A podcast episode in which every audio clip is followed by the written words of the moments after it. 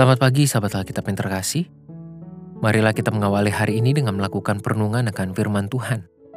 Bacaan Alkitab kita pada hari ini berasal dari kitab ulangan pasal yang pertama, ayat 41 sampai 46. Lalu kamu menjawab, katamu kepadaku, kami berbuat dosa kepada Tuhan.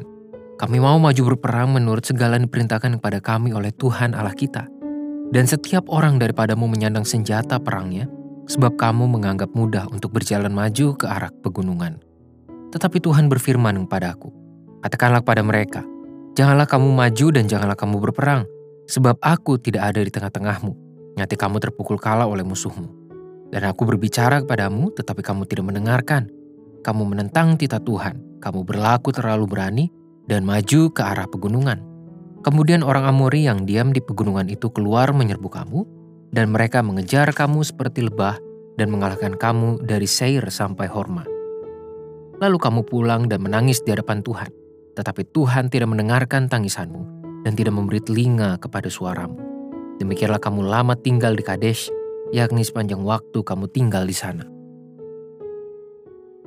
Pada saat seseorang melakukan kesalahan, kemudian ia menyadari hal tersebut, terdapat beberapa kemungkinan respons yang dilakukan. Misalnya, ia menyesali perbuatannya, ia ketakutan atas konsekuensi dari kesalahannya, ia mengalami penyesalan dan ketakutan hingga berujung kepanikan dan membuahkan keputusan gegabah.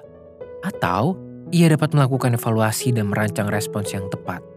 Paling tidak, keempat hal tersebut dapat muncul pada diri kebanyakan manusia yang melakukan kesalahan. Dan setiap orang memiliki pilihan untuk menanggapi berbagai kesalahan yang ia perbuat. Di dalam rangkaian cerita kesalahan orang Israel di hadapan Tuhan pada saat mereka diperintahkan untuk memasuki wilayah orang Amori, kita diperlihatkan mengenai sebuah keputusan gegabah yang mereka lakukan. Teguran keras yang Tuhan berikan atas penolakan kepada Tuhan telah menimbulkan ketakutan yang besar pada diri orang Israel. Mereka pun menyadari bahwa perbuatan tersebut merupakan kesalahan besar di hadapan Tuhan yang telah semakin menjauhkan mereka dari berkat Tuhan itu sendiri. Hal yang semakin disayangkan adalah ketakutan atas teguran dari Tuhan telah membawa mereka kepada sebuah kondisi panik yang begitu hebat hingga menghasilkan sebuah keputusan gegabah. Alih-alih menunjukkan sebuah pertobatan, tindakan sepihak yang mereka lakukan untuk memasuki wilayah orang Amori justru semakin memperburuk relasi antara mereka dengan Tuhan. Tindakan ini bukan menjadi tanda pertobatan, melainkan semakin menjadi bukti kekerasan hati mereka untuk mendengarkan suara Tuhan.